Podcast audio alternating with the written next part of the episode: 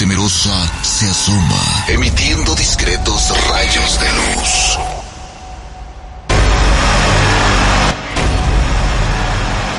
Sigue sus destellos,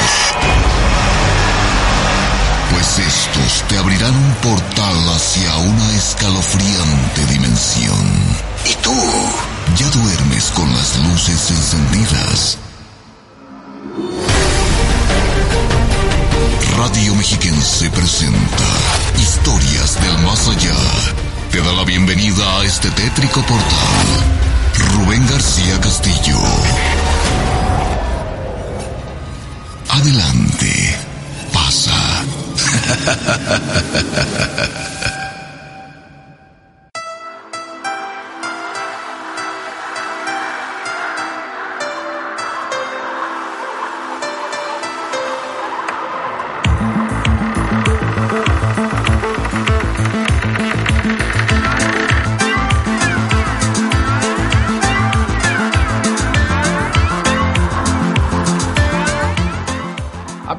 Amigas, señoras y señores, muy buenas noches, bienvenidos y bienvenidas a su programa Historias del Más Allá a través de Radio Mexiquense, porque en Radio Mexiquense estamos contigo. Muchísimas gracias por darnos esa oportunidad nuevamente de llevarle a usted el programa, el programa de sus amores, el programa que tanto le gusta a usted y nosotros pues obviamente también nos sentimos muy a gusto y muy contentos con todos ustedes. Queridos amigos, pues ya lo saben, el staff de lujo que hace posible esta transmisión ya está listo.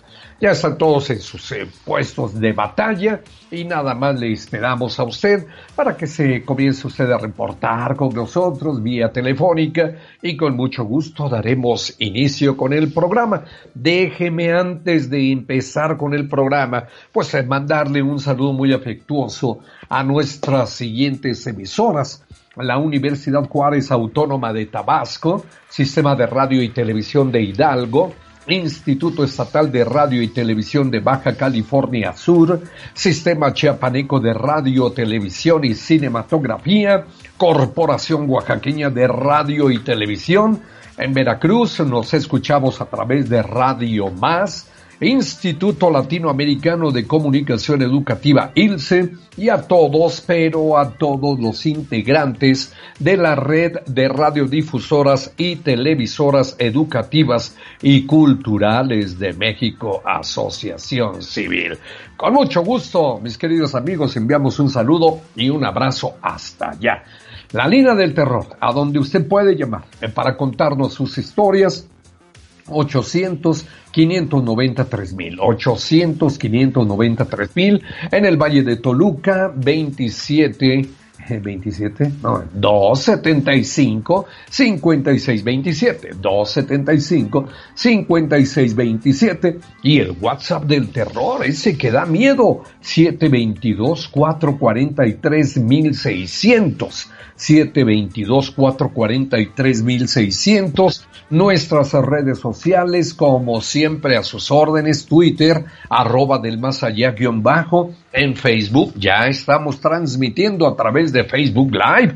Historias del más allá y nuestra querida página www.radio y TV mexiquense Punto MX. Con el saludo muy, muy afectuoso para todos ustedes. Allá nos acompaña en la producción. Y le digo allá porque ellos están en Metepec, Estado de México.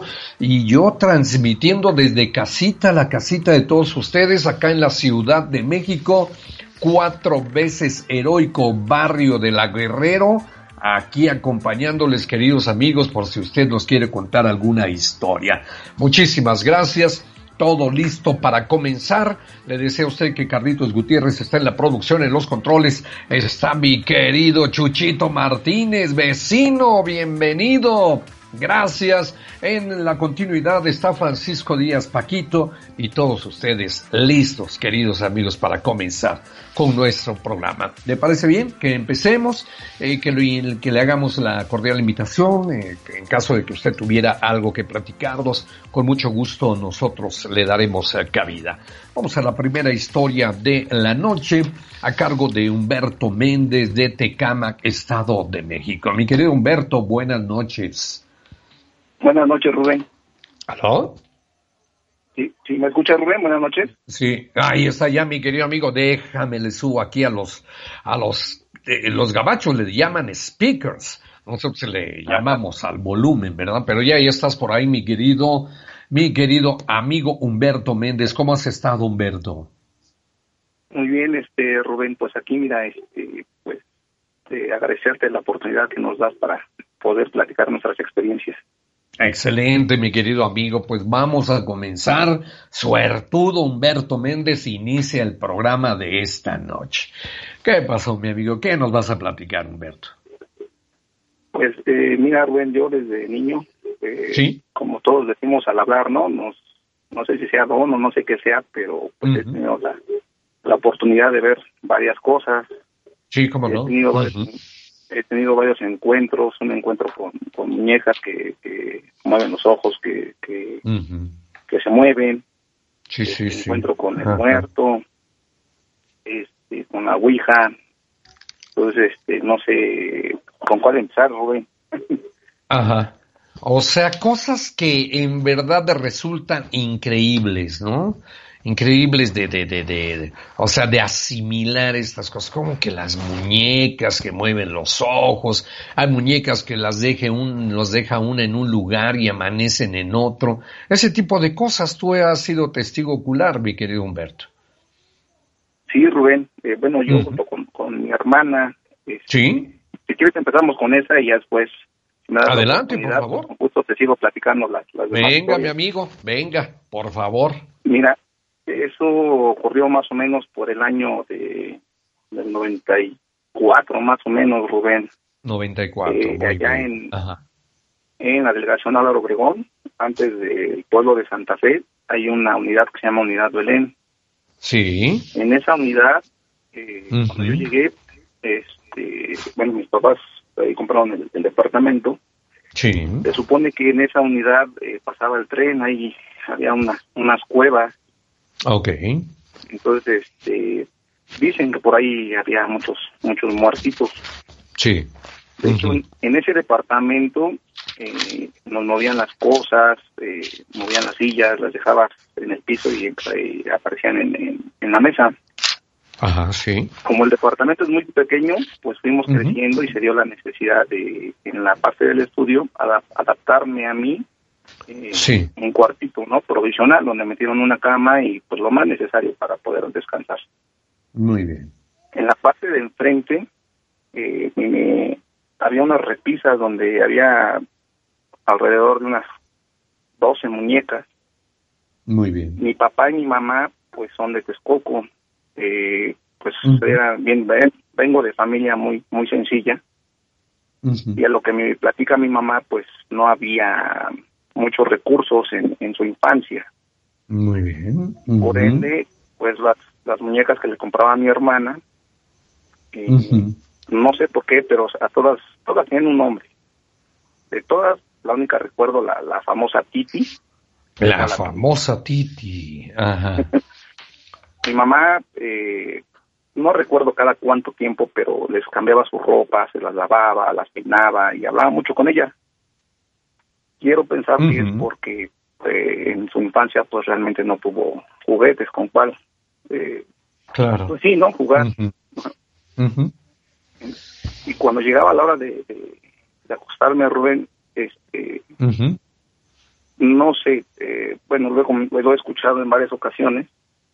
Y pues sí siempre que pasa una situación así eh, el momento como que se detiene el tiempo Rubén Ok.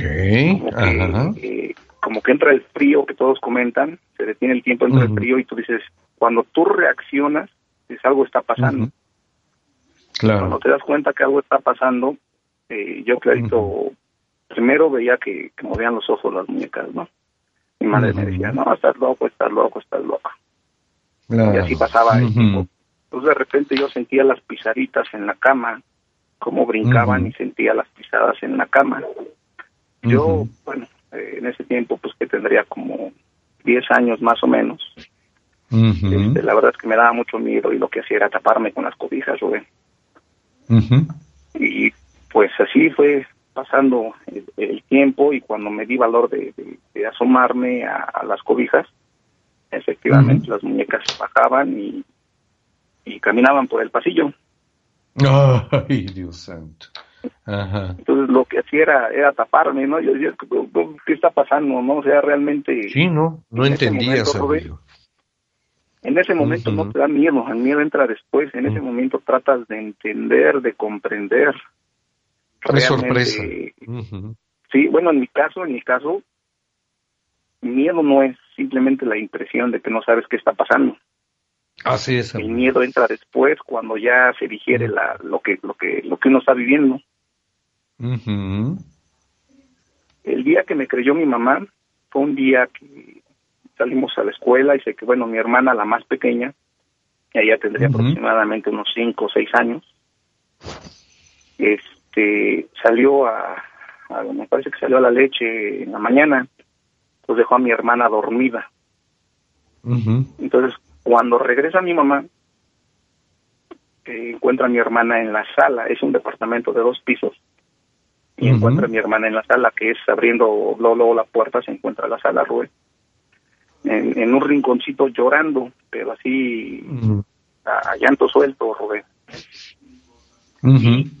todo un camino de muñecas de la sala hasta mi cuarto, un camino de muñecas regado, tiradas. ¿Como cuántas eran, mi querido Humberto, más o menos? Aproximadamente 12 muñecas. este 12 muñecas. Mi mamá, pues espantada, ¿no? ¿Qué está pasando, no? Agarra y ve a mi hermana y la abraza y ¿qué te pasó, este? ¿Qué te pasó, Fabi? No, que las muñecas, este, brincaban y, sacaban como fuego de los ojos, dice. Cobraron vida. Y me llevaron hasta acá, hasta, hasta la sala, y mi hermana pues en llanto, ¿no? Entonces cuando yo llegué de, de, la escuela, yo recuerdo bien que todas las muñecas estaban ahí en la sala, todas sin ropa ya. Y le digo, mamá, ¿qué pasó, mamá? Es que tu hermana me platicó esto, esto, esto, esto. digo, es que yo te había dicho, mamá, que pues, pues había algo que, que no estaba bien y tú jamás me creíste. Y no, pues te creo. Dice, pues, ¿cómo? Para empezar, la niña, ¿cómo iba a bajar las muñecas si estaban en, el juguetero?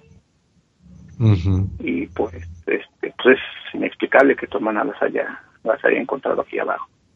Entonces, eh, sí, mamá, yo, yo en algún momento te comenté, pero pues no me creíste. A partir de ahí, pues mi mamá empezó a creer todo lo que, todo lo que pasé antes, sí, después de ese evento. La Titis era una muñeca de esas de, no sé si las recuerdes, de plástico, un plástico semisuave, que las acostabas y te cerraban los ojos y las levantabas y abrías los ojos. Los abría. Tenía un vestido amarillo, regular, eh, bueno, un vestido que siempre regularmente mamá le ponía un vestido amarillo y con un listón como, como de arena que le ponía mi mamá. Muy bien. Eh, la verdad sí fue una pues algo que los que vivimos lo creemos y los que no, pues ya sabes que hasta que no nos toca.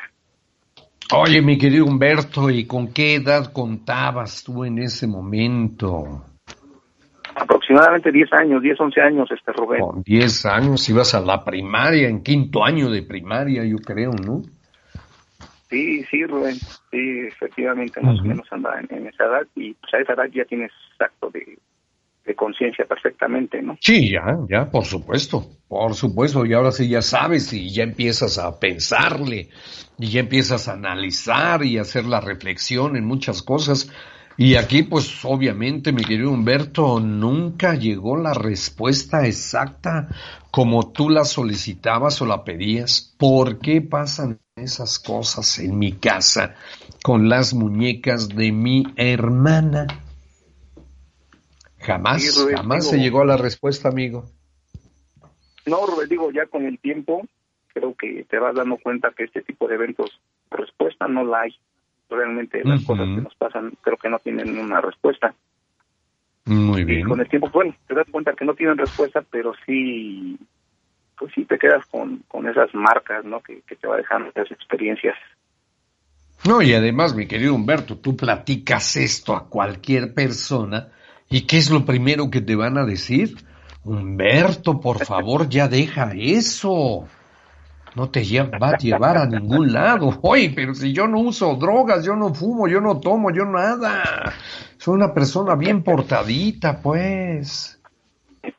No, Rubén, bueno, y no sé si tú coincidas conmigo, Rubén, pero eh, en bueno, nuestra generación realmente pues era una generación un poquito más más sana, ¿no? Todavía andábamos en la calle, había de cierta manera un grado de inocencia. ¿Tú de qué? ¿Tú de qué modelo eres, Humberto? Soy modelo 76.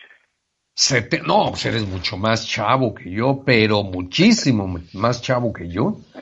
Aún así, dice uno, bueno, bueno, bueno, pues aún así, en esa, en esa generación, pues todavía, como decías tú, éramos más sanos, no teníamos tanta perversidad mental, ¿verdad? Y pues así pasaban las cosas, Humberto. La verdad, amigo, pues qué, qué, qué, qué, momentos te tocaron vivir tan difíciles, ¿no?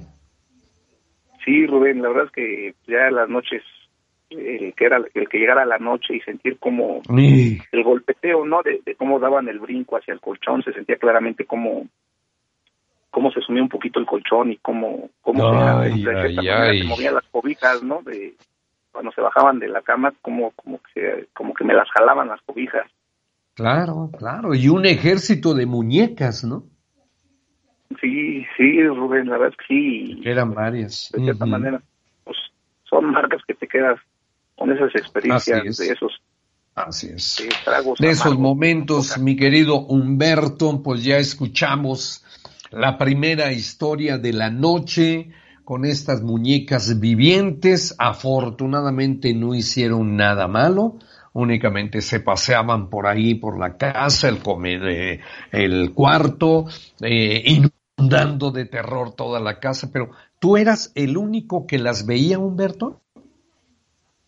Mi hermana y yo, de hecho, de mi mm. familia, eh, los que hemos tenido experiencias es mi hermana y mi papá y yo, los que nos ha tocado ver, ver, y ver eso. Ajá.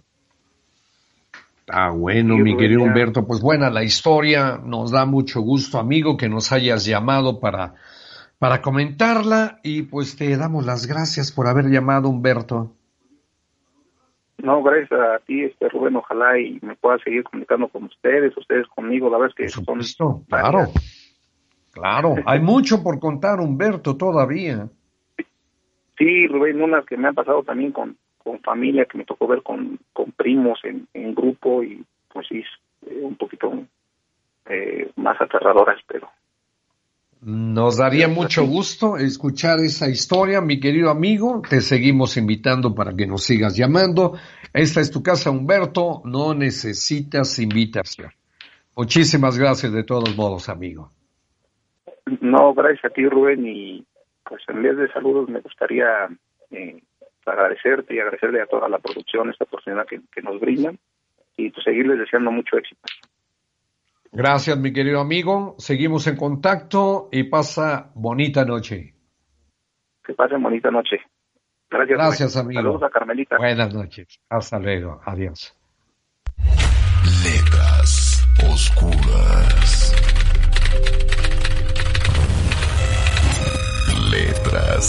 Oscuras. de oro y lápiz lazuli, cadáveres de santos y santas exudan aceite milagroso, fragancia de violeta. Pero bajo los pesados túmulos de pisoteada arcilla yacen cuerpos de vampiros pletóricos de sangre. Sus mortajas están ensangrentadas sus labios húmedos. Aceite y sangre. William Butler Yeats. Historias del más allá. Sí. Perfecto. Órale. Sí, manito, gracias. Ahí estamos, perfecto. Queridos amigos, de regreso con todos ustedes, su programa Historias del Más Allá a través de Radio Mexiquense. Márquele, márquele la famosa línea del terror 800 590 3000 800 593 mil para que nos llame usted con mucho gusto. Eh, saludo para Isra Ortiz. Lluviosas noches. Soy un historio maníaco de Hueso Colorado, fan del programa y saludos como siempre a Rubén y a la hermosa de Carmelita. Gracias Isra. Chuy GT. Buenas noches, Carmelita Rubén. Un saludo para mis hijas, Diana Rodríguez Santillán. Hola a todos. Abrazo, don Rubén y Carmelita. Me encanta su programa. Muchas, muchas gracias. Siguiendo con el programa, con mucho gusto, aquí ya tenemos a nuestra querida amiga Juanita Bustos de Tenango del Valle. Juanita, buenas noches. Hola. ¿No escuchó?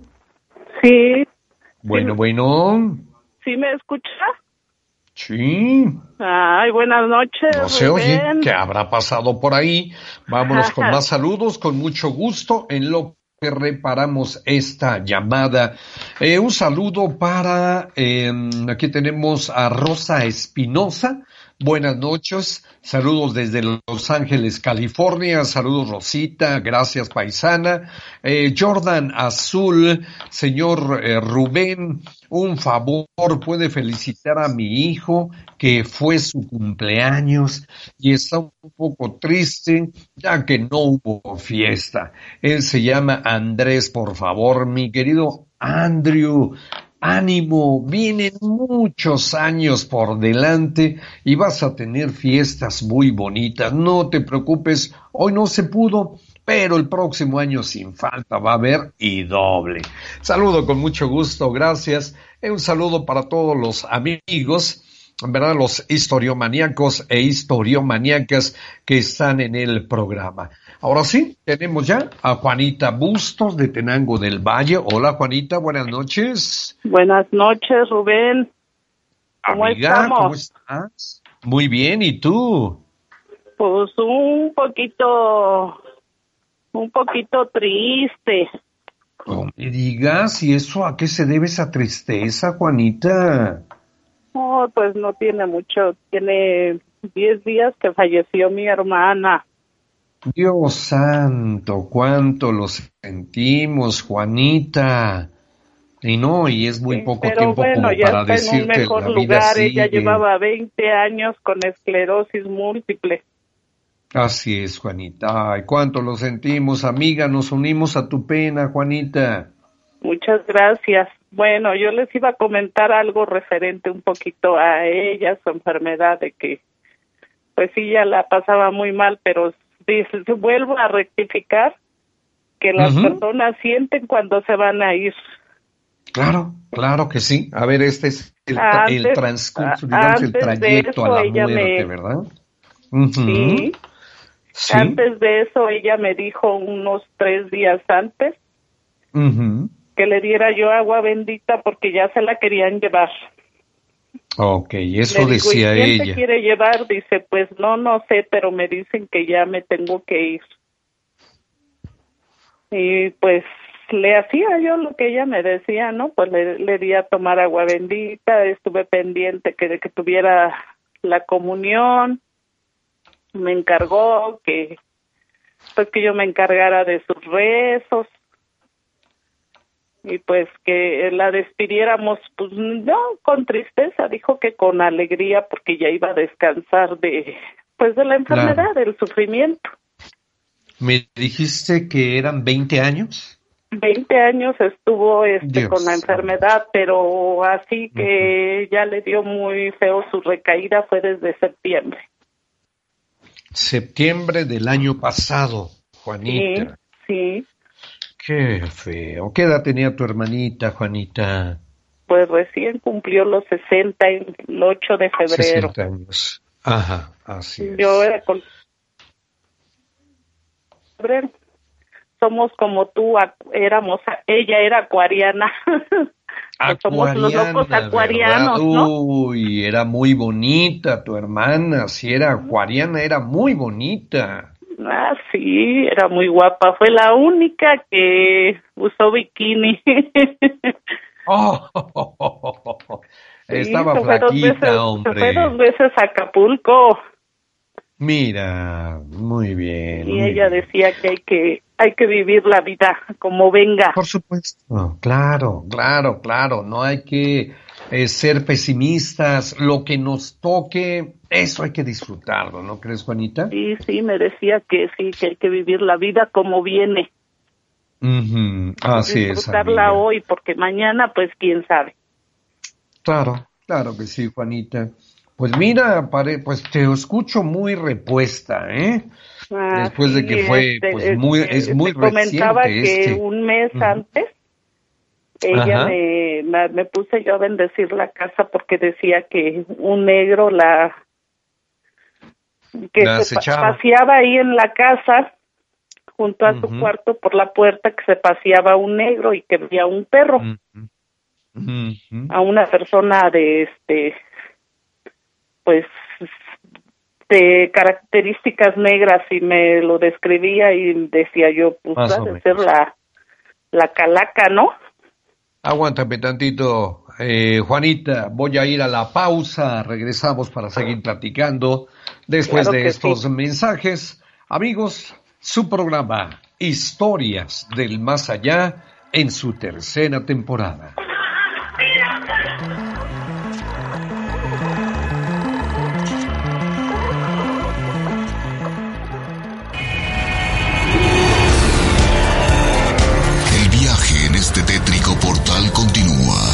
Alejes mucho, pues podrías perderte en el más allá.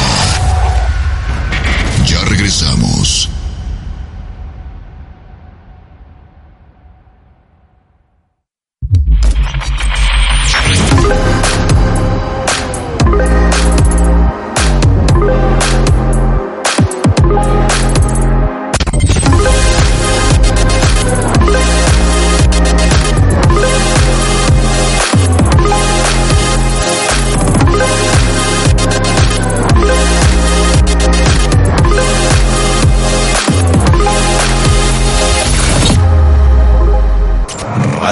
Mexiquense.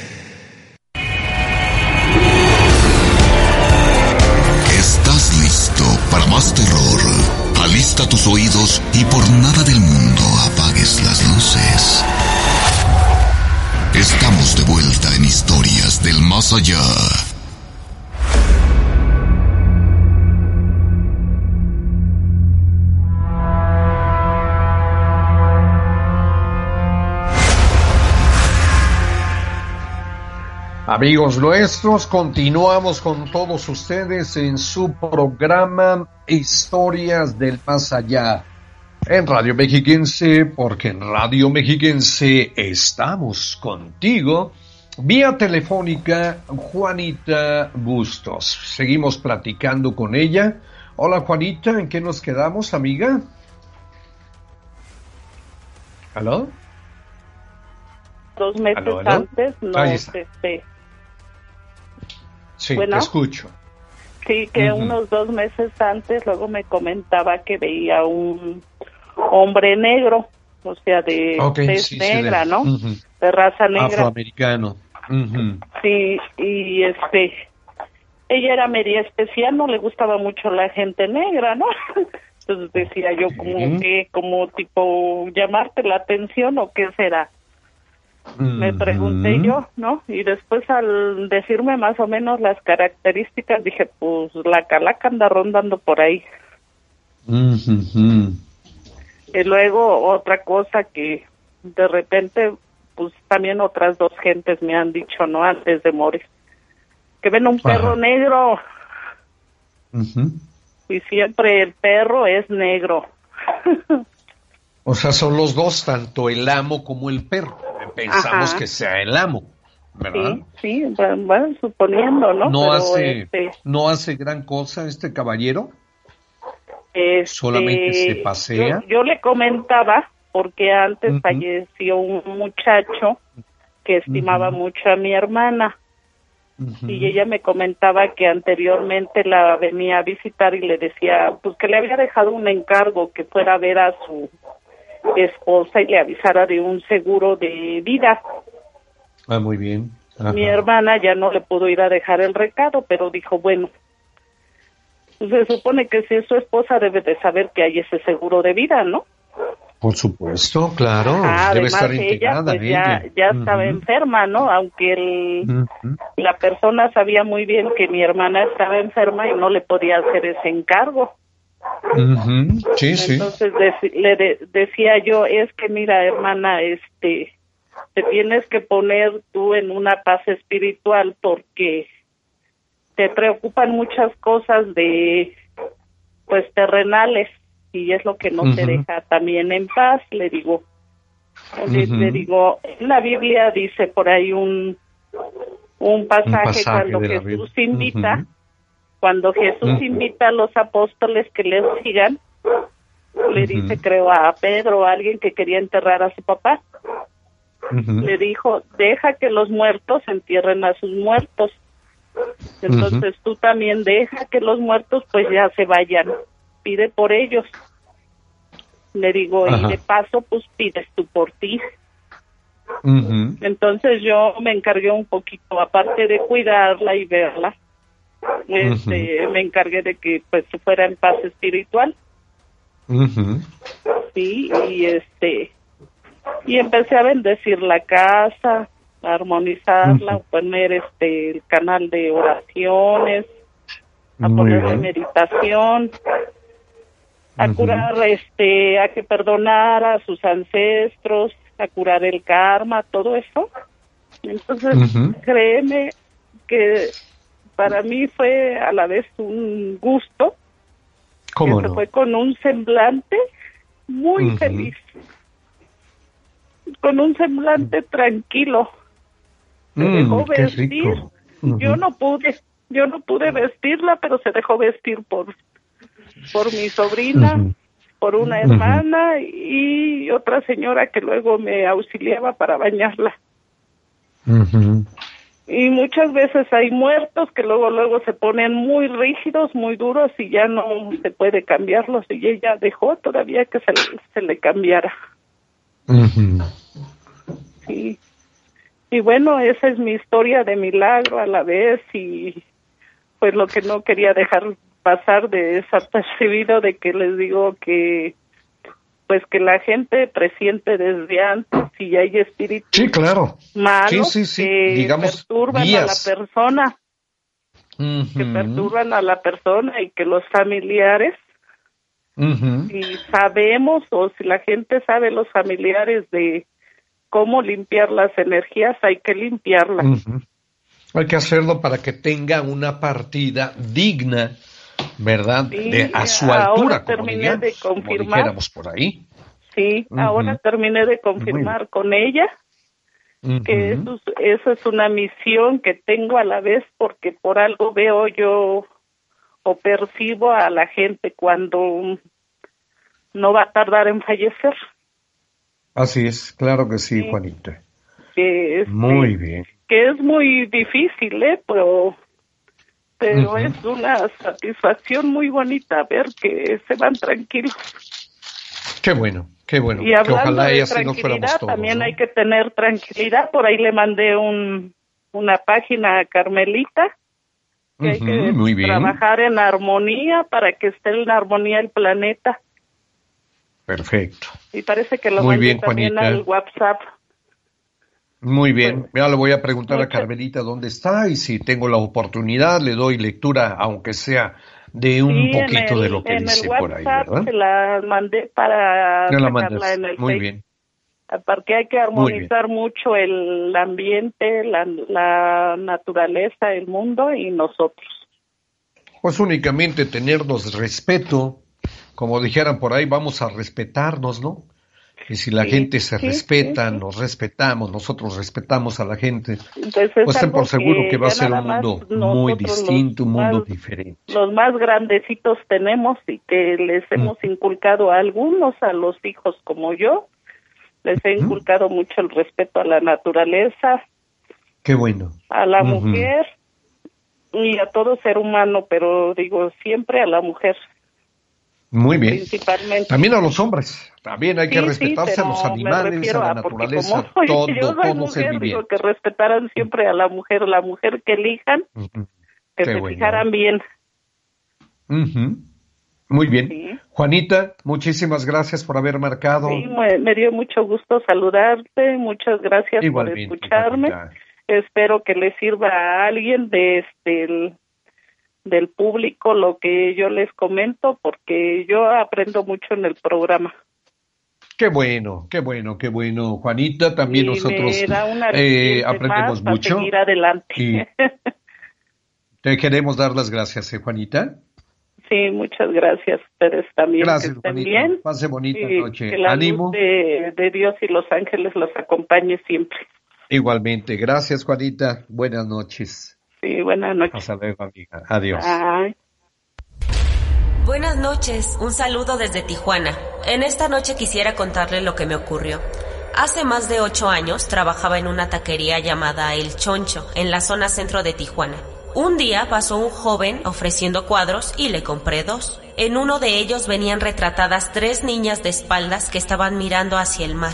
La verdad compré ese cuadro porque tengo tres hijas y yo siempre me preguntaba en mi mente, ¿cómo serán los rostros de las niñas del cuadro? Ya que solo veía su cabeza por la parte de atrás. ¿Cuál fue mi sorpresa que un día, al levantarme, lo primero que vi es que a una de las niñas del cuadro ya se le miraba medio rostro, es decir, como si estuviera volteándose. La verdad no sé, no lo tomé en cuenta, pues casi no le di importancia, y en esa ocasión ignoré la situación. Pero resulta que pasaron más días de eso y miré que ya las tres niñas estaban volteando.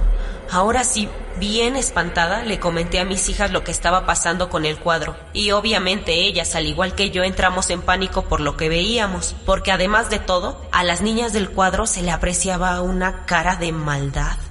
Mis hijas y yo decidimos hablarle inmediatamente a mi hermana, que está muy acercada a Dios, y ella vino a la casa, rezó un Padre Nuestro enfrente del cuadro y después le prendió fuego. Sin embargo, no sé si fue el cuadro o qué, pero en la casa hemos presenciado varias apariciones. Este fue mi relato y créanme que fue muy escalofriante. Saludos a todos los que nos escuchan. Mi nombre es Estela Vázquez.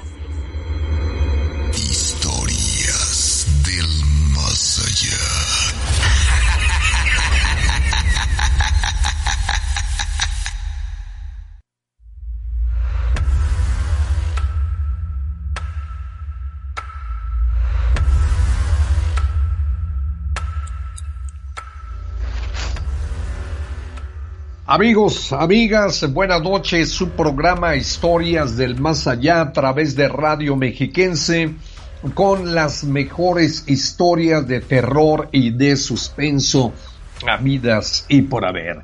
Mandamos por acá un saludito. Buenas noches. Mande usted, por favor, un saludo para la colonia Barrio La Teresona, pues no tenemos luz desde las 7.30 de la noche.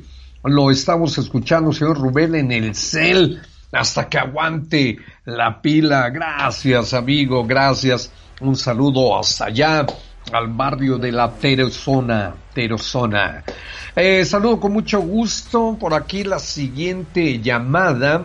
Ya la tenemos por aquí, la tenemos preparada y vámonos a ella, como dijeran por ahí. ¿Verdad? Porque ya queremos presentar la otra historia. Eh, se trata de Francisco Flores de Iztapaluca. Mi querido Francisco, buenas noches. Hola, buenas noches.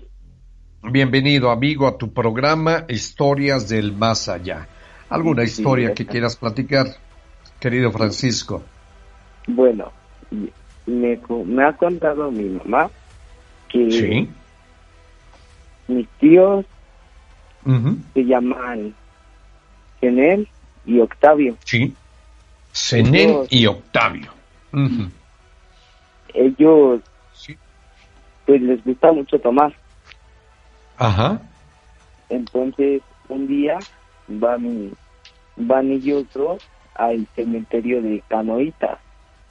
En ese cementerio, un niño aproximadamente de, ¿qué será?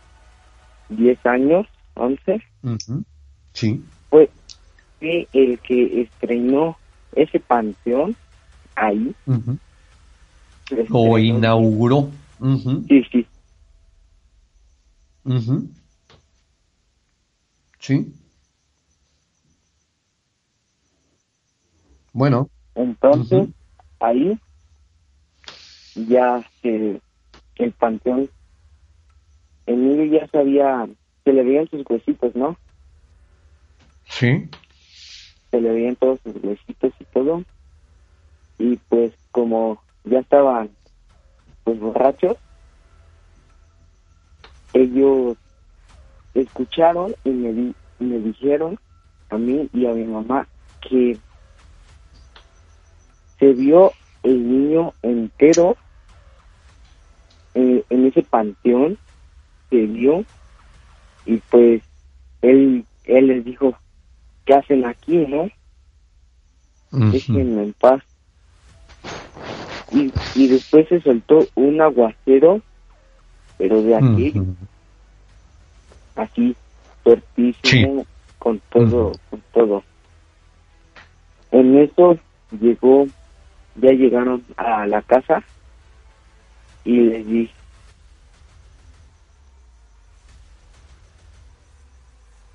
Sí.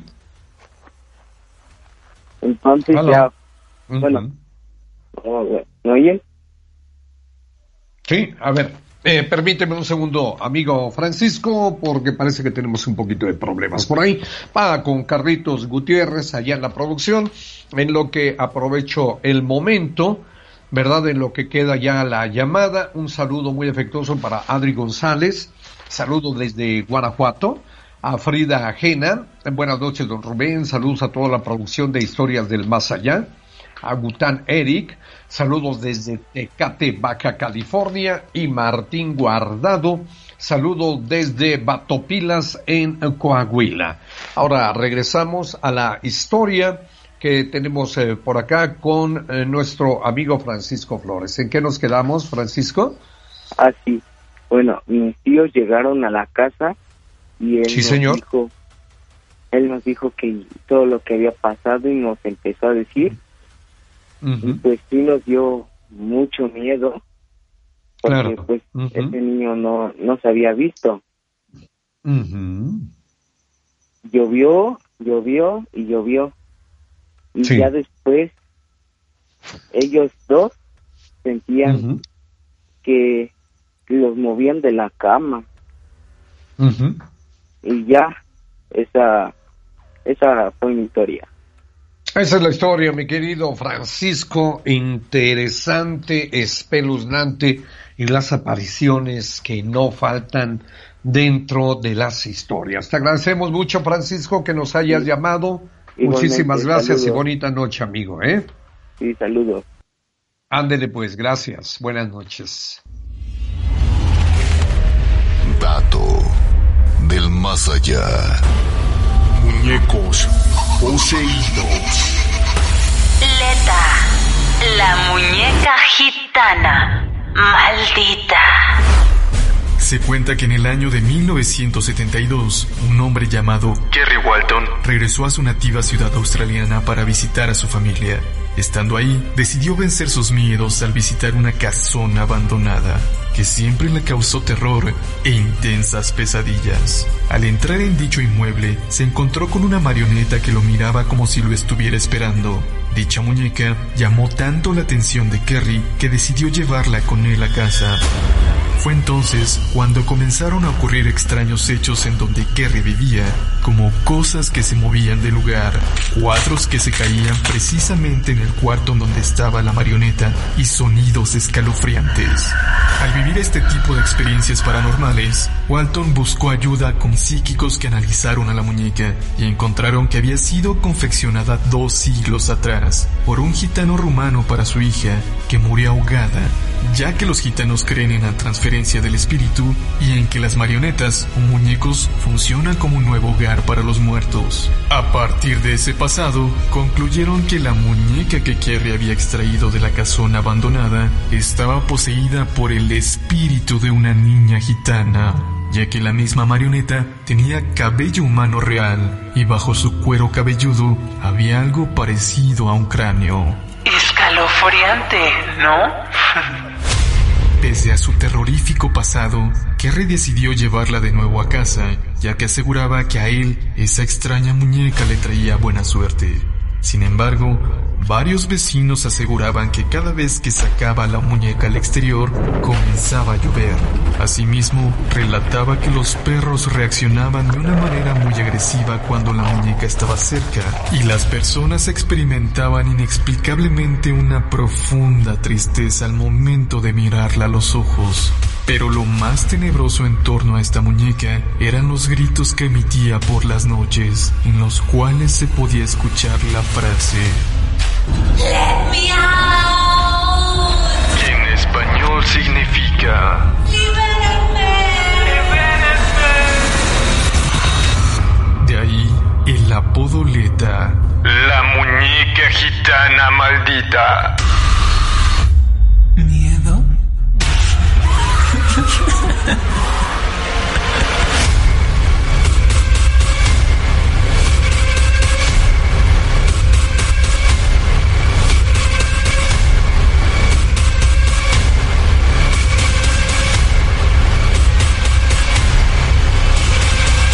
Cuando la noche llega, las pesadillas se convierten en realidad.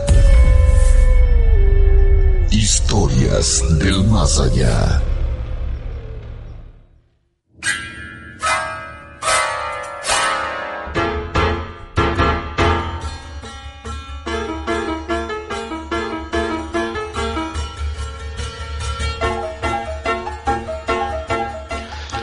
Amigos, amigas, buenas noches, minutos finales de esta, la primera hora de su programa Historias del Más Allá. Síganos acompañando. El número telefónico, la famosa línea del terror espera por usted. El número 800 593 mil 800 593 mil para que se haga presente y si gusta y manda usted nos compartirá alguna experiencia vivida en carne propia. Siguiente historia, eh, con un saludo primero para Hugo Tobar, que manda saludos a Carmelita y a Rubén. Perfecto. Saludo es nuestro amigo Alejandro Cervantes desde Sacramento, California. Alejandro, buenas noches. Muy buenas noches, don Rubén, ¿cómo estamos? Muy bien, mi amigo. ¿Tú qué tal? ¿Cómo estás? Pues bien, aquí trabajando, echándole ganas.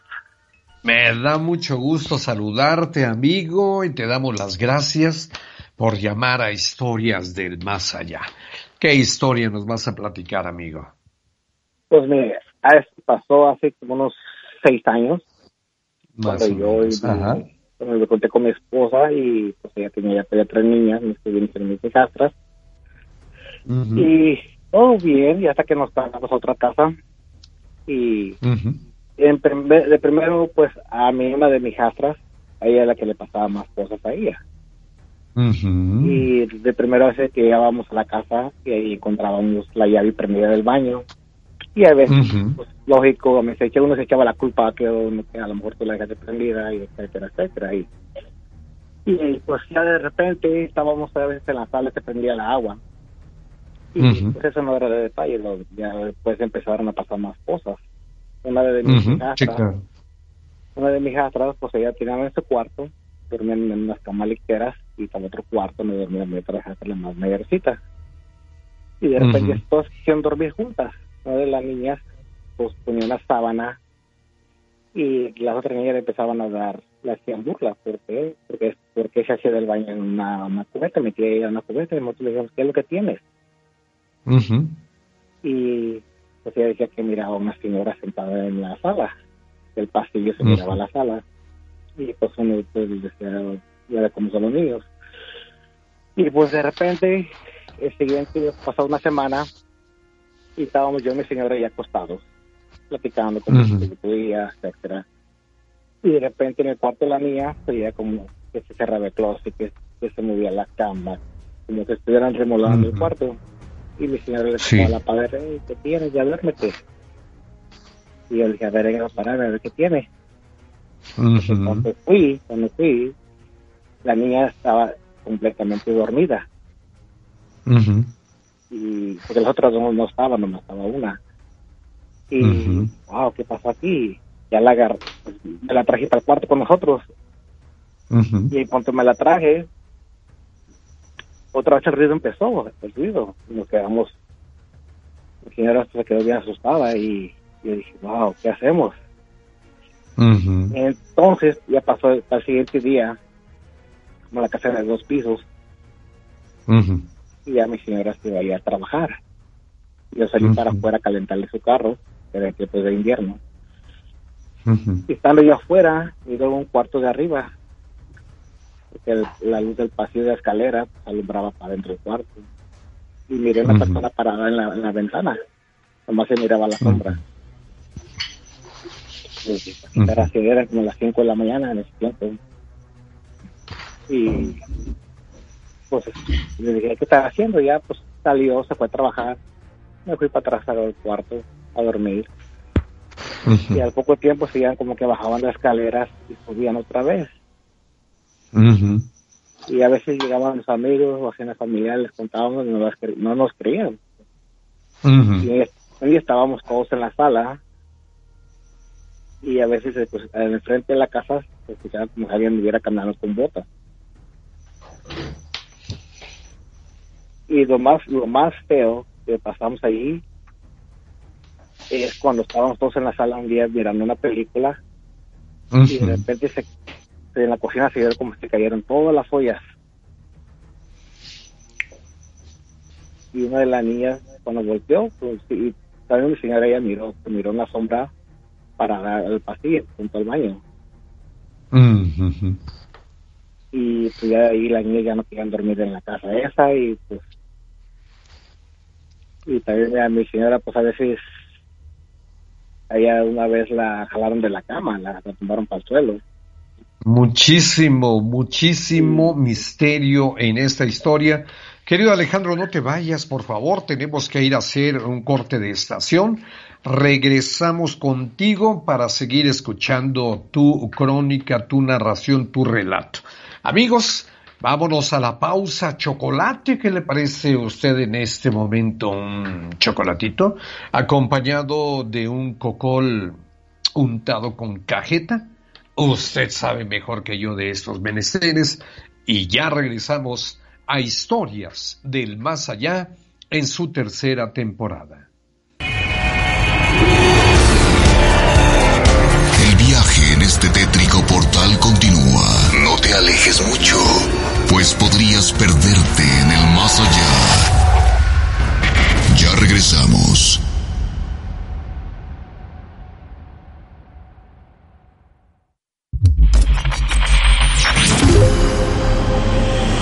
Estado de México tiene una misma frecuencia. La misma frecuencia. XHMS 91.7 FM en Amecameca. XCTUL 1080 en el Valle de México. XHZUM 88.5 FM en Zumpango. XHBAL 104.5 FM en Valle de Bravo. XHGEM 91.7 FM en el Valle de Toluca. XCGEM 1600 AM en Metepec. Y las repetidoras XHATL 105.5 FM en Atlacomulco. XCTEJ 1250 AM en Tejupilco. Radio Mexiquense. Estamos contigo.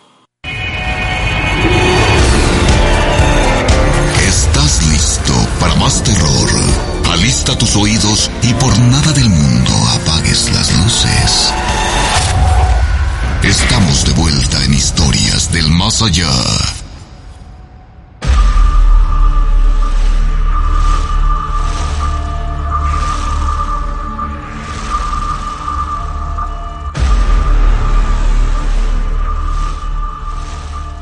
Amigos, amigas, aquí de regreso con ustedes en la segunda hora, segunda, segunda hora, segunda de su programa Historias del Más Allá, después de que la tarde o ya casi tarde noche se haya dejado sentir una fuerte lluvia, tanto por allá por Metepec como acá en la Ciudad de México, ya todo ha vuelto a la calma y aquí nosotros ya estamos en casita, transmitiendo para todos ustedes en su programa Historias del Más Allá.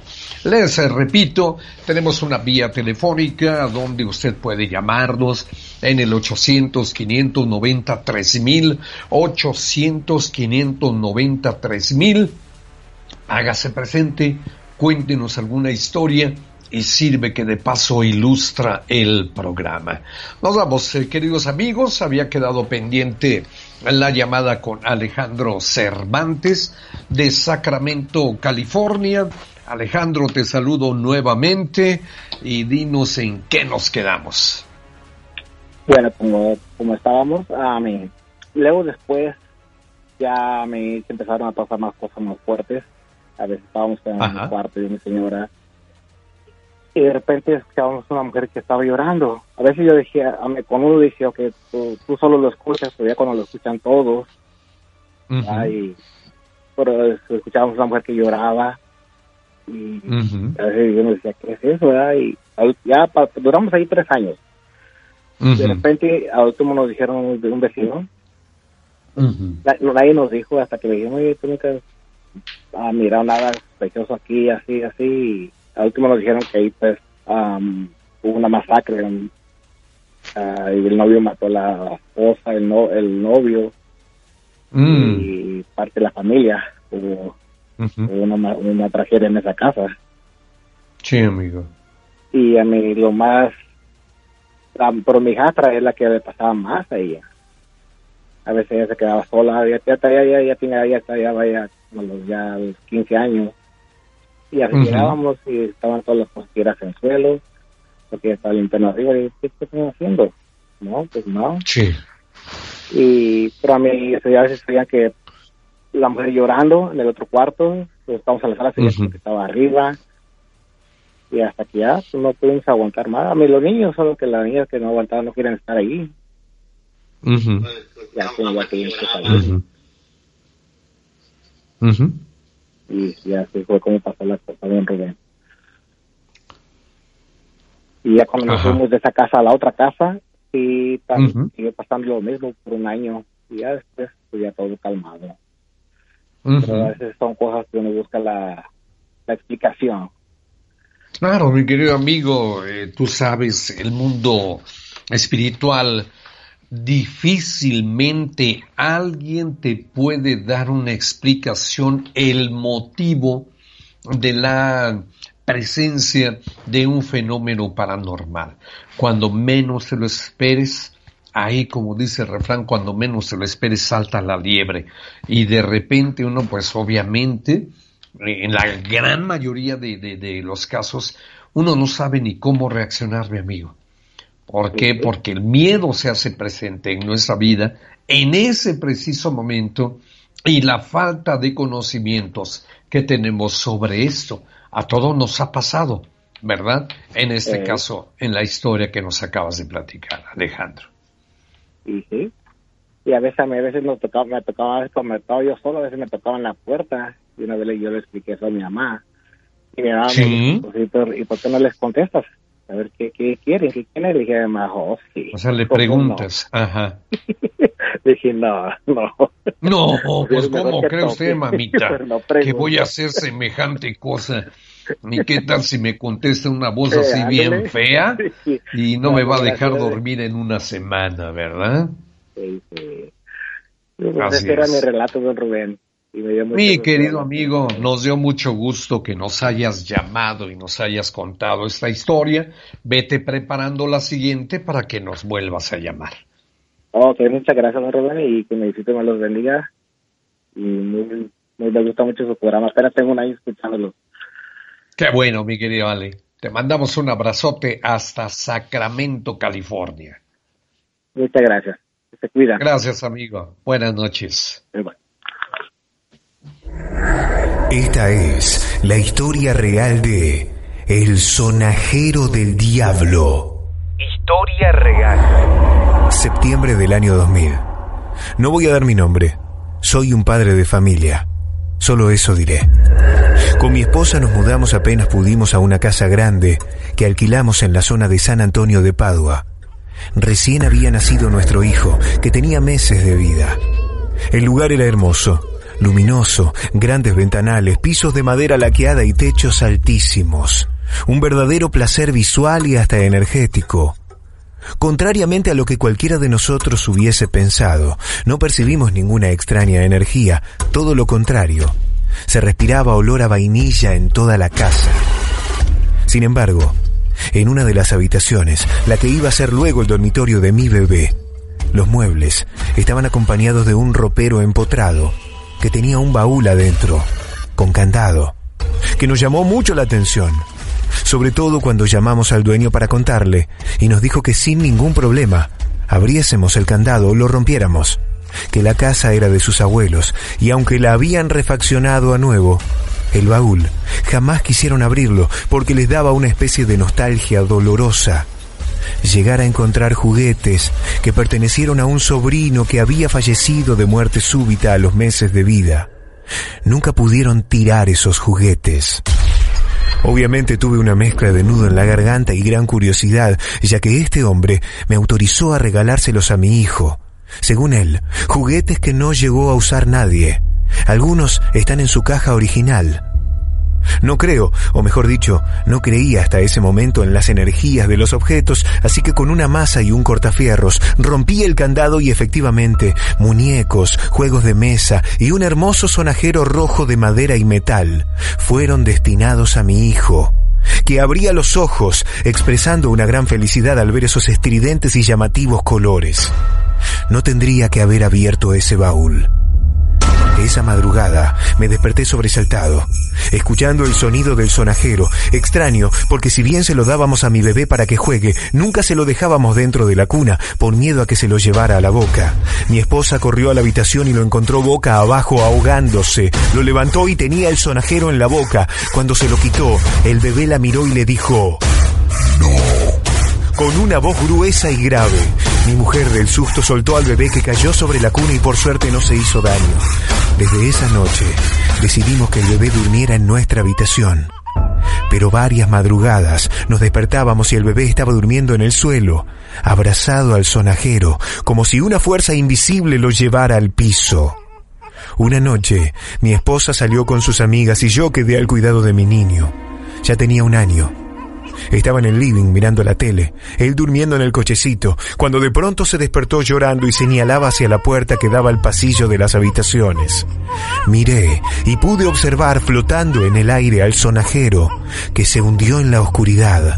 No podía creer lo que veía. Me acerqué y al encender la luz vi a un cerdo que se paró en dos patas y empezó a chillar de una manera estruendosa. Pensé que me estaba volviendo loco. Entre tanta alucinación descuidé a mi bebé y cuando volví la vista al cochecito ya no estaba. Aún colgaban las riendas que estaban quemadas y derretidas en sus puntas. La puerta de calle estaba abierta. Salí a la puerta y ahí lo vi a mi hijo. Estaba subido sobre las tejas de la casa de enfrente, mirándome con cara de susto, agarrándose para no caerse. Llamamos a los bomberos y a la policía y pudimos bajarlo sin que corriera riesgos. ¿Qué fuerza sobrenatural estaba haciendo esto? Obviamente casi nos cuesta el matrimonio. Empezamos a hacer terapia de pareja porque según el psicólogo estábamos los dos estresados y por eso teníamos estas alucinaciones compartidas. Mi hijo siguió creciendo. Varias veces habló y contó que un nene rojo le pedía el sonajero. Hasta que cumplió cuatro y nos reveló que el nene rojo, dueño del sonajero, tenía cuernos y le pedía que se pinchara el dedo con un alfiler y lo frotara contra el sonajero. Mi hijo empezó a ir a la psicopedagoga. Nos empezaron a investigar.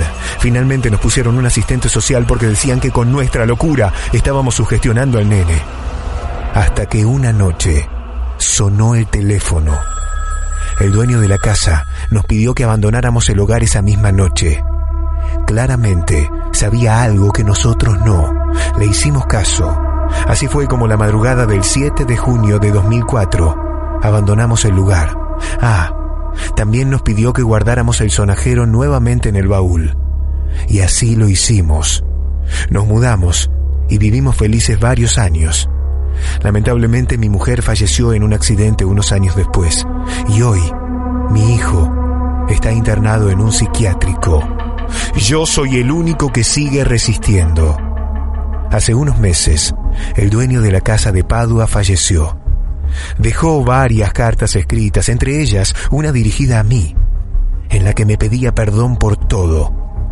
Este hombre reconocía que el sobrino nieto fallecido, el dueño de esos juguetes, no había muerto súbitamente, sino que su hermano mayor lo había asfixiado con el sonajero.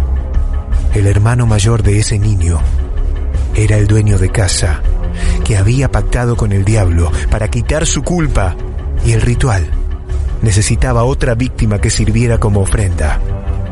El sonajero era el soporte del pacto, ni una carta ni una figura demoníaca. Algo tan hermoso e inofensivo como un sonajero encerraba dolor y muerte. El diablo puede camuflarse en lugares inimaginables.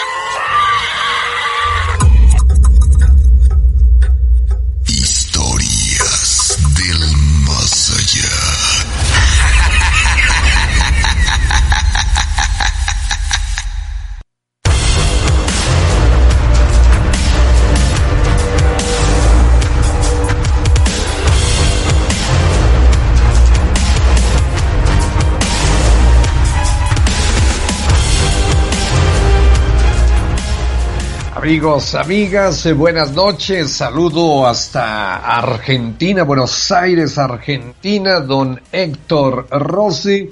Y para mí también un saludote con mucho gusto. Gracias, queridos amigos argentinos y que siempre están presentes, están atentos a lo que sucede en el programa Historias del Más Allá.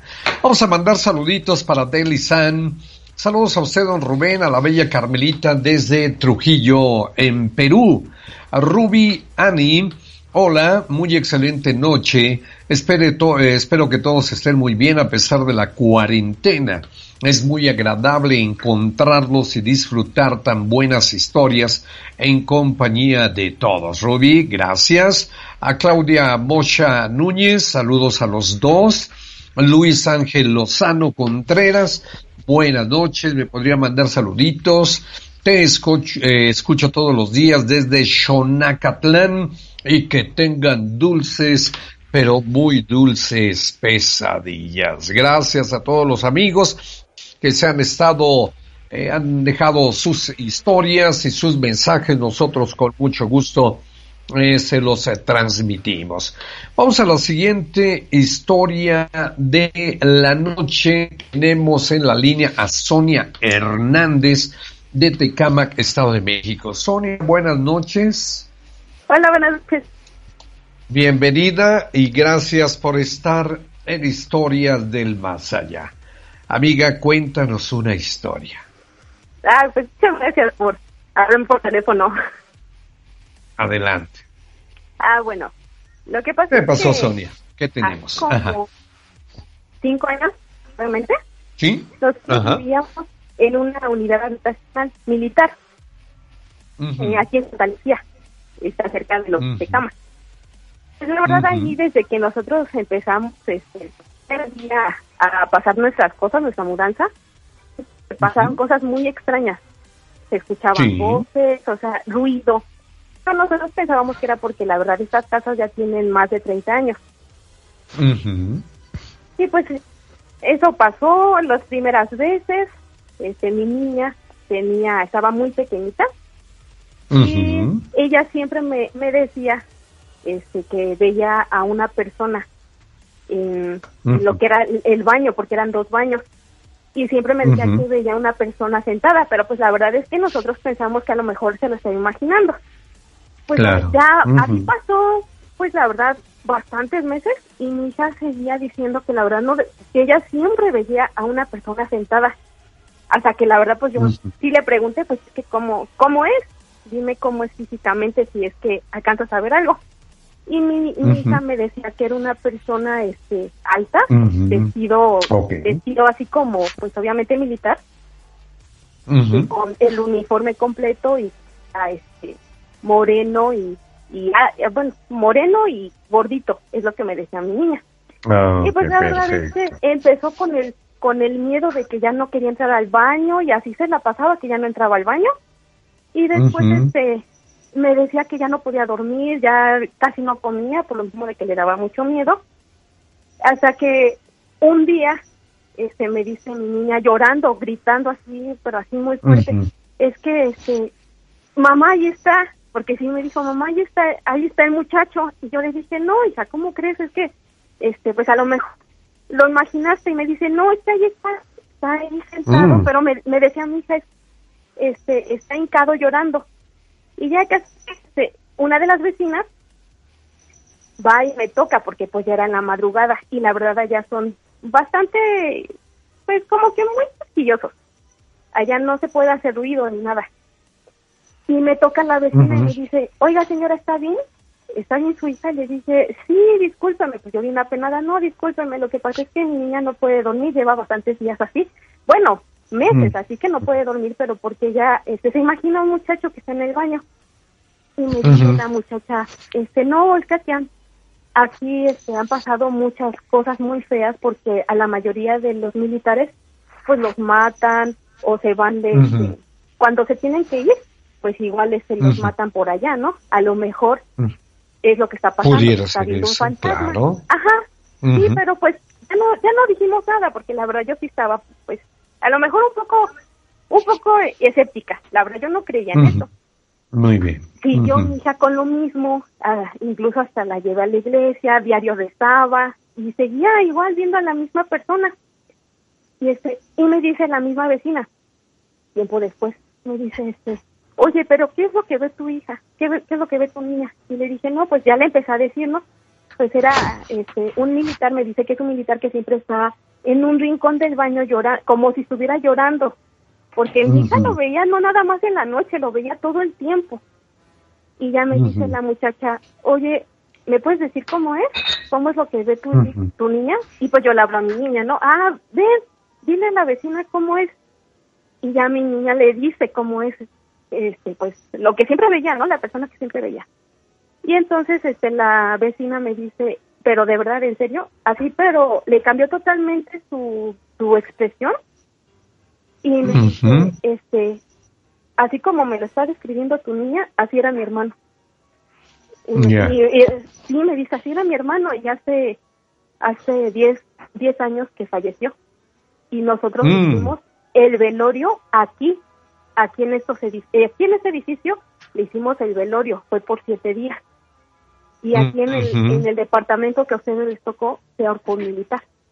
O sea, la verdad es que mm. nosotros pues sí nos impactamos, ¿no? Por lo que había pasado. ¿Cómo no? Y la verdad es que diario seguíamos escuchando, pues así, lo en la madrugada, que siempre pasaba alguien caminando Incluso la misma vecina me dijo, este, ¿sabes qué? Te agradezco mucho, le agradezco mucho a tu niña, pero voy a empezar a hacerle misas a mi hermano porque a lo mejor no puede descansar en paz por la manera en cómo falleció. Ajá, por la manera en cómo falleció. Y la persona que aquí vivió antes que ustedes igual se suicidó y pues yo creo que lo más conveniente es que ustedes también le hagan una misa para que pueda ya descansar en paz. Pero pues la verdad es que sí, o sea, sí era muy fuerte, o sea, lo que a nosotros nos pasaba, nos aventaban la puerta. Estaba, bueno, en ese entonces nada más estaba mi niña y yo, y siempre nos aventaban la puerta, escuchábamos todo el tiempo cómo iban caminando, más en la noche, escuchaba así. Y pues es que sí es, sí es muy, muy común en, en unidades habitacionales que son militares y es muy común los fenómenos paranormales. Claro, claro. Oye, Sony, una pregunta. ¿Notabas como enojado al militar? No, es que yo la verdad nunca lo vi. La única que lo llegó a ver fue mi niña. ¿Tu niña? Ajá. Ella lo notaba enojado. Pues es que me decía. Bueno, ella lloraba, él, lloraba. Exactamente, mi niña me decía que sí te lo veía en el baño. Eh, hasta, me enseñó cómo, así este, en cuclillas. Sí, sí, sí. Llorando. O sea, que sí te lo veía llorando. Y por la manera en cómo me dijo la vecina que había fallecido su, hermano, pues había sido una manera muy, bastante trágica. O sea, porque me dijo que, que ese día le iban a hacer una fiesta sorpresa a todos los vecinos de ese mm. edificio y que su mamá le estuvo marcando al muchacho por teléfono para decirle que sí ya iba a llegar y que el muchacho mm. le dijo, sí, mamá, espérame tantito, es que voy en la carretera, estoy aquí okay. de llegar. Y que la señora, pues, mm. Le volvió a marcar, ¿no? Le dijo, no, es que este, ya te estamos esperando, ya ya vente, o sea, pues, ya te tardaste mucho. Y dice la muchacha que entonces este, la señora, su mamá, escuchó el ruido de, de un claxon y las, las sirenas, las patrullas, que porque su hermano al momento de contestarle a su mamá no se dio cuenta que venía un trailer y pues lo ah. sí chocó el muchacho y pues que fue algo pues algo espantoso y fue lo que me dijo la vecina. O sea la verdad es que mi hermano murió de una manera tan trágica que, que aquí nadie cuenta lo, nadie cuenta que mi hermano estuvo aquí viviendo con nosotros por la manera tan fea en como murió. Y mi niña es lo que siempre me decía es que yo veo como yo lo veo siempre arrodillado llorando o así en cuclillas llorando. Como que todavía no se le pasaba eh, ese trágico momento en el momento que fue impactado por un tráiler y en el cual perdió la vida. Pareciera, después de 10 años, como dices que murió, eh, pareciera que todavía no se acostumbraría o se acostumbraba a, Él no sabía que había muerto, yo creo, ¿no? Sí, sí, la verdad es que sí, siempre escuchábamos así cosas muy raras adentro del departamento y mi es la que siempre notaba, a lo mejor por lo pequeñita que era en ese entonces porque tenía tres años, este, ¿Sí? sí, escuchaba y veía cosas porque incluso cuando yo me embaracé de mi segundo bebé, yo estaba a un día de irme al hospital. Y pues yo la verdad me sentía muy nerviosa y mi hija, estábamos sentadas en el comedor y mi hija estaba platicando, yo estaba platicando con mi mamá y mi hija estaba sentada de frente, frente a nosotras. Y lo que hace mi hija es que voltea y empieza a saludar riéndose, pero al lado mío. Y yo la verdad le mm. dije, ¿qué tienes? Porque yo todavía me, me estaba viendo, le dije, ¿qué pasó, hija? ¿A quién le estás diciendo hola? Y mi hija seguía viéndose y le dije, ¿estás ¿estás bien? Porque yo sabía, que ¿estás bien? Y mi mamá igual le dijo, ¿qué te pasó? ¿Qué te pasó, bebé? ¿Con quién te estás viendo? dice, mi niña, señalando, con la señora que está al lado de mi mamá. O sea, nos quedamos impactadas porque no había nadie más que nosotras. Pues no había nada, ustedes no la veían. No, solo mi hija. Y, este, y ese mismo día yo me tenía que ir al hospital, pues al otro día este, tuve a mi bebé y se complicó la cirugía y pues estuve a punto de morir. Incluso este, hablaron con, con mi esposo y le dijeron que le dijeron que yo ya que me iba le entregaron la carta de defunción. O sea, le entregaron mi carta de defunción porque ellos ya me daban por muerta. Oh, Dios santo. Sí, claro, porque eh, se complicó muchísimo la cirugía, todo salió mal y le dijeron a, a mi esposo, este, no, pues es que su, su esposa ya no, ya no sobrevive, ya, ya no sobrevive ni una hora más, ya este, le entregamos la carta de defunción y a su bebé, porque su esposa ya, ya no, ya no resistió la, la cirugía que le hicimos. O sea, ya no resistió, pero le faltaba una hora todavía de vida. Y en ese momento le entregan el acta de defunción diciendo, mire, este, por lo que llegara a pasar, pero mire, le entrego de una vez su acta, ¿no? Para, por, si, por si llega a pasar. Sí, ellos se deslindaron pues de toda responsabilidad y yo todavía lo seguía escuchando. Porque yo la verdad... Pues estabas viva, todavía estabas viva, y conectada y con pero yo seguía escuchando todo lo que estaban diciendo. Todo, por supuesto, todo. Ay, Pues sí, más que nada era eso, porque mi hija siempre ha tenido como que, no sé qué sea, pero siempre ha visto cosas así muy extrañas y ella fue la única que me dijo ese día que yo me fui al hospital. Había visto una señora cuando yo le pregunté este, que cómo era la señora, me dijo, es que era una viejita toda de blanco y se estaba viendo, estaba al lado de ti. Y pues no sé, o sea, la verdad no sé qué sea, pero sí han sido muchas cosas así paranormal. Vaya. ¿Cómo no, Sony? Sobre todo si tenemos al lado a alguien que pueda ser un receptor, eh, receptora de este tipo de, situaciones, pues obviamente que estaremos inmersos en el mundo espiritual. Eh, ponle tú que en una familia ninguno de los integrantes, de los elementos, de los miembros de la familia, eh, pues cuente con ese don, con esa capacidad de percepción extrasensorial, pues tengo por seguro que no se van a ni enterar de lo que pasa a su alrededor.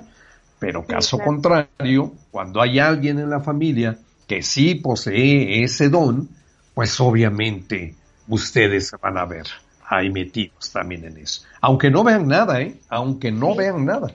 Pero ya están adentro también. Ay, sí. Y bueno, así se siente como que la vibra, no sé, pero se siente algo extraño.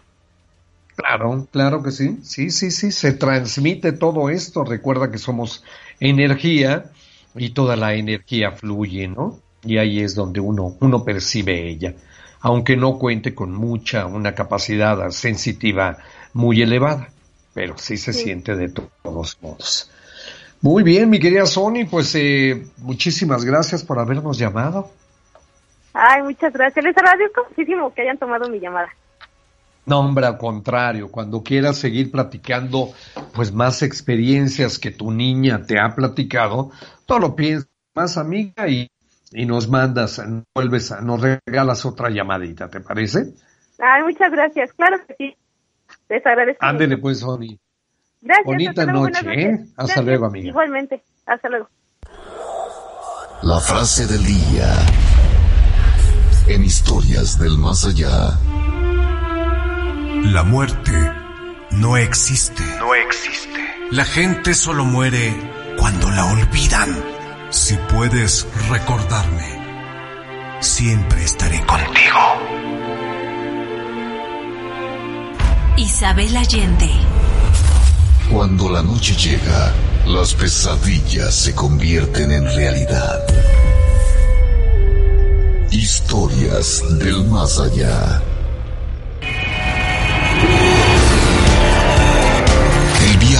Este tétrico portal continúa. No te alejes mucho, pues podrías perderte en el más allá. Ya regresamos.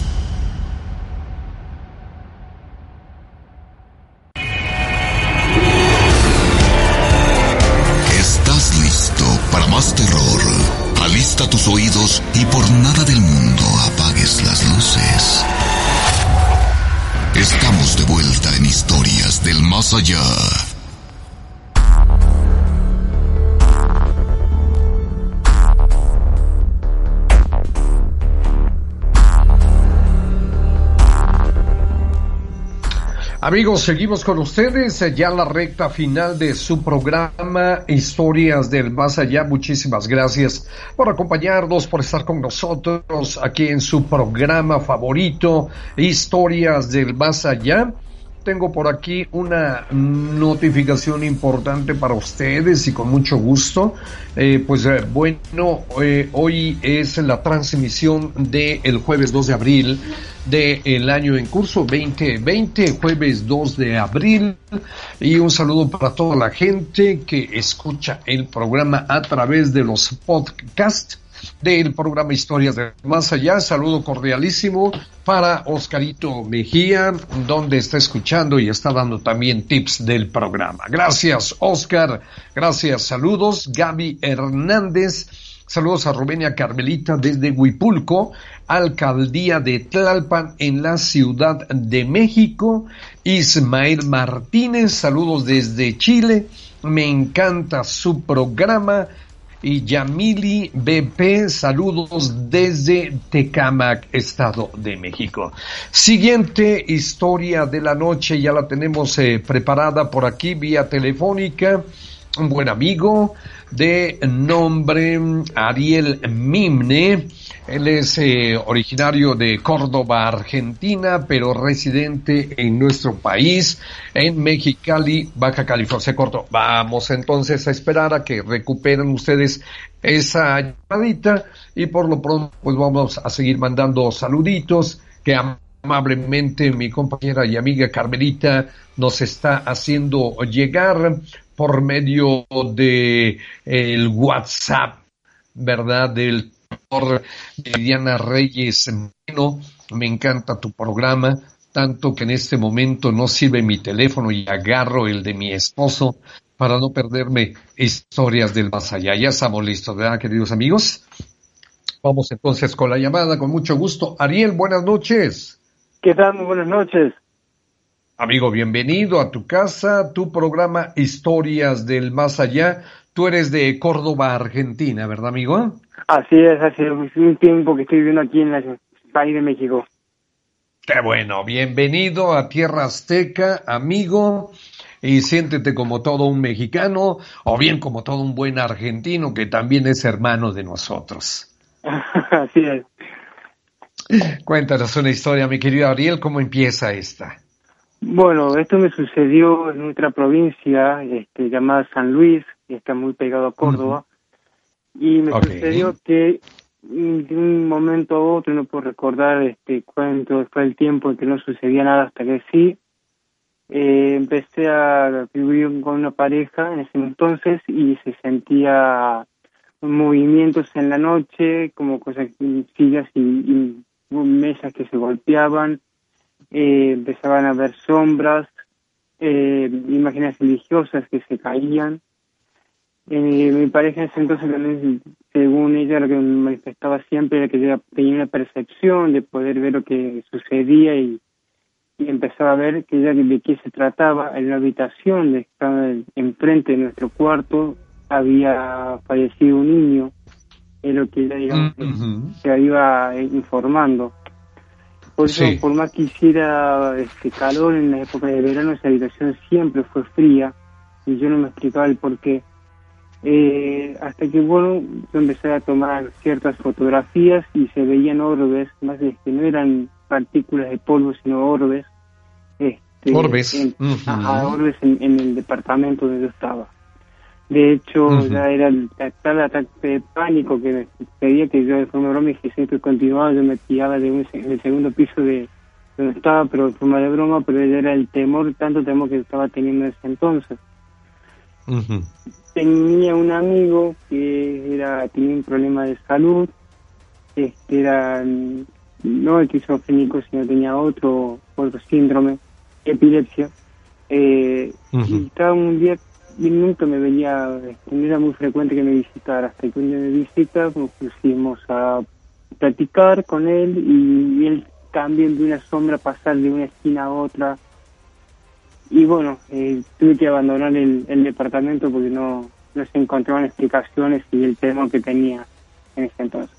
Eso, digamos, fue mi, eh, mi hecho paranormal que me sucedió y a raíz de eso empecé a, meterme de lleno a investigar sobre ese fenómeno, que hoy día me apasiona. ¿Sí? Sí, Ajá.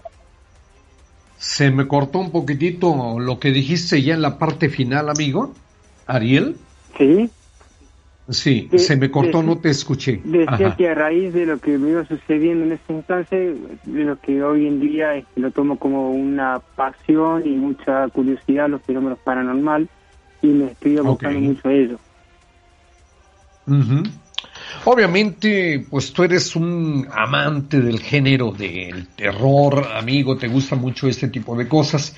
La pregunta es un tanto cuanto inocente. Eh, ¿Tú crees en verdad de todas las manifestaciones eh, no fantasmales, sino vamos a llamarle mejor del plano espiritual, aquí en el plano físico. ¿Tú crees en todo eso? Sí, sí, sí, de verdad. Este, yo soy religioso también, este, pero también sí creo, y también, también trato, de buscarle la lógica a todo, ¿verdad? O sea, no solamente capturarme a uno. Mm. Pero este, sí, sí, creo en, en tanto lo que es fantasma o lo que es poltergeist. y todo, digamos, la telequinesis, digamos, la telepatía, todo eso, mi querido amigo, que no deja de ser eh, apasionante, el estudiar, el leer, el ver películas, el leer libros, todo eso resulta muy interesante a nosotros, sobre todo a las personas que nos gusta tanto el género de terror y del suspenso. Esto resulta muy, muy interesante al mismo tiempo que pues uno aprende cada vez más cada que toma la literatura de este tema. Pues mi querido amigo Ariel, qué bueno que llamaste, qué bueno que nos contaste esta historia. Interrogantes van, interrogantes vienen, y pero pues eso es lo interesante de este género, ¿no crees, amigo? Sí, la verdad que sí, bueno, estoy muy contento por estar aquí en este país, no solamente por su cultura, su gente, sino todo lo que conlleva lo paranormal, que es como la cuna de lo, paranormal, ¿verdad? En el mundo. Así es, mi querido amigo, muchas cosas. Nosotros también sentimos un aprecio mucho, muy especial por ustedes, gente de ese país tan bonito que es el de Argentina. Eh, yo en lo particular voy a hablar en primera persona y pues yo me identifico mucho con ellos porque hay mucha afinidad de ambos lados, tanto de allá para acá como de aquí para allá. Ya te agradezco mucho, mi querido Ariel, que hayas llamado, amigo. No, no, porque muchas gracias y existe el programa. Muchísimas gracias. Pasa bonita noche y seguimos en contacto. Gracias, amigo.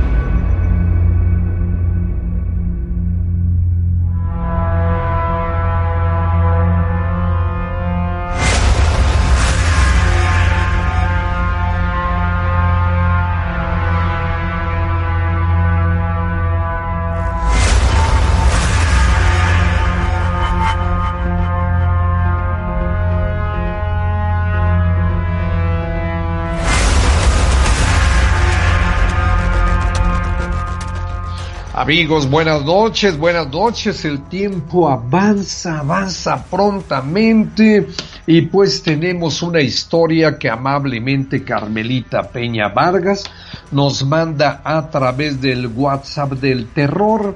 Una historia que también los amigos eh, historiomaníacos hacen el favor de utilizar esta parte del programa, esta herramienta, el WhatsApp para dar a conocer también sus historias. Bueno, eh, aquí dice la siguiente, esta es una historia que viví hace no muchos años, más o menos esto fue en el 2010.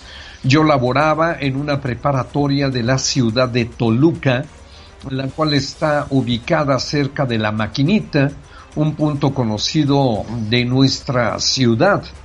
Bueno, Generalmente yo entraba a trabajar a las seis y media de la mañana para recibir a los estudiantes conforme fueran entrando.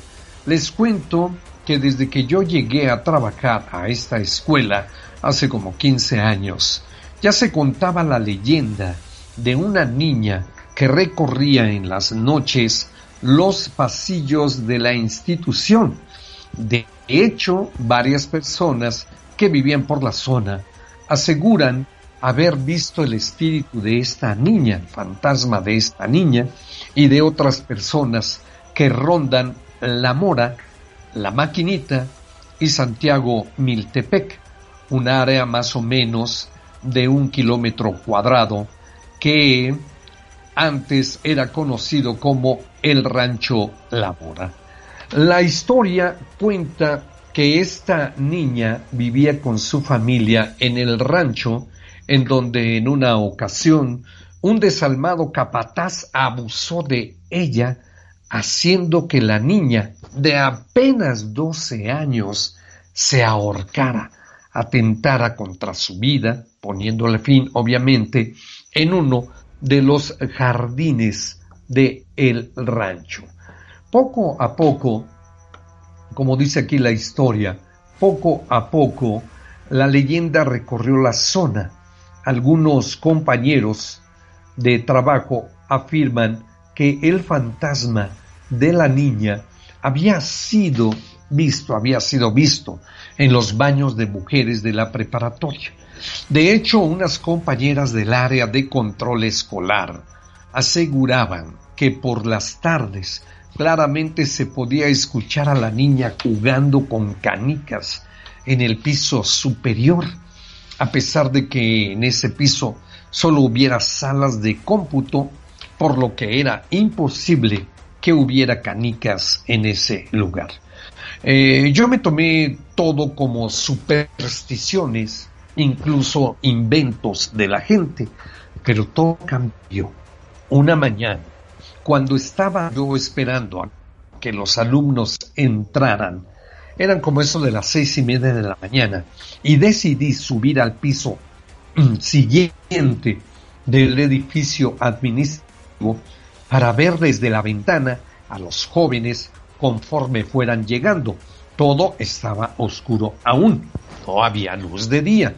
Apenas había unas cuantas luces prendidas cuando de repente vi en el reflejo de otra ventana, vi el reflejo de otra ventana grande que estaba a mi lado. ¿A quién creen ustedes que estaba viendo? A la niña. Era como un reflejo. Parecía que estuviera parada justo a un lado mío. Perfectamente pude ver cómo llevaba unas calcetitas con olanes, traía puesto un vestido blanco, su pelo era negro y lacio, solo su rostro estaba como difuminado. No se podría eh, percibir con claridad. Todo fue demasiado rápido. No supe qué estaba pasando hasta que recordé todas las historias de la niña. Obviamente salí rapidísimo del tercer piso y corrí escaleras abajo para llegar con las orientadoras, pero a pesar del susto, no fui capaz de contarle a nadie. Pasó el tiempo y traté de jamás regresar solo, ni a oscuras al tercer piso, no fuera que la volviera a ver. Días después, algunas alumnas salían corriendo del baño de niñas, decían que a pesar de encontrar el baño solo, se escuchaban risas de niña pequeña y algunas hasta que pudieron ver a través del espejo. La misma figura que yo vi. Esto fue horrible el escalofrío me duró como una semana solo con recordarlo. Me regresa esa horrible sensación. Que descanse, si pueden. Saludos, buenas noches.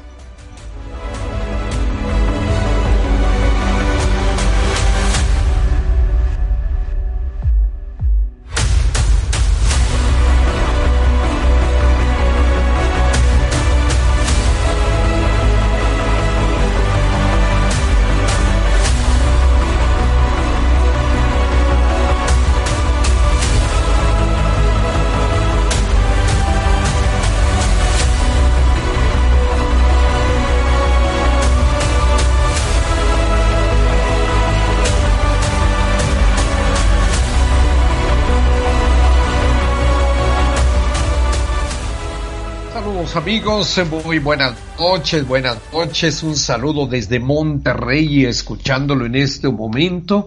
Favor de mandar saludos a Diego y a Juan y con mucho gusto, gracias a José Hernández de Toluca.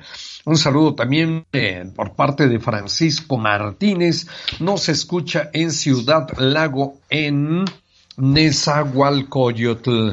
Saludo con mucho gusto, gracias Yupis Genio, un saludo también para Deli San, un saludo para Heidi KDB, saludos, buenas noches, José Clemente Murillo, y un saludo para nuestro amigo Incubo Promiscuo. Saludos a todos, con esto llegamos a la parte final, queridos amigos, de su programa Historias del Más Allá correspondiente a este jueves 2 de abril del año en curso. Mañana en punto de las 10 de la noche, mi compañera y amiga Carmelita Peña se encargará de llevar la conducción del programa por estas dos horas y para el cierre de semana.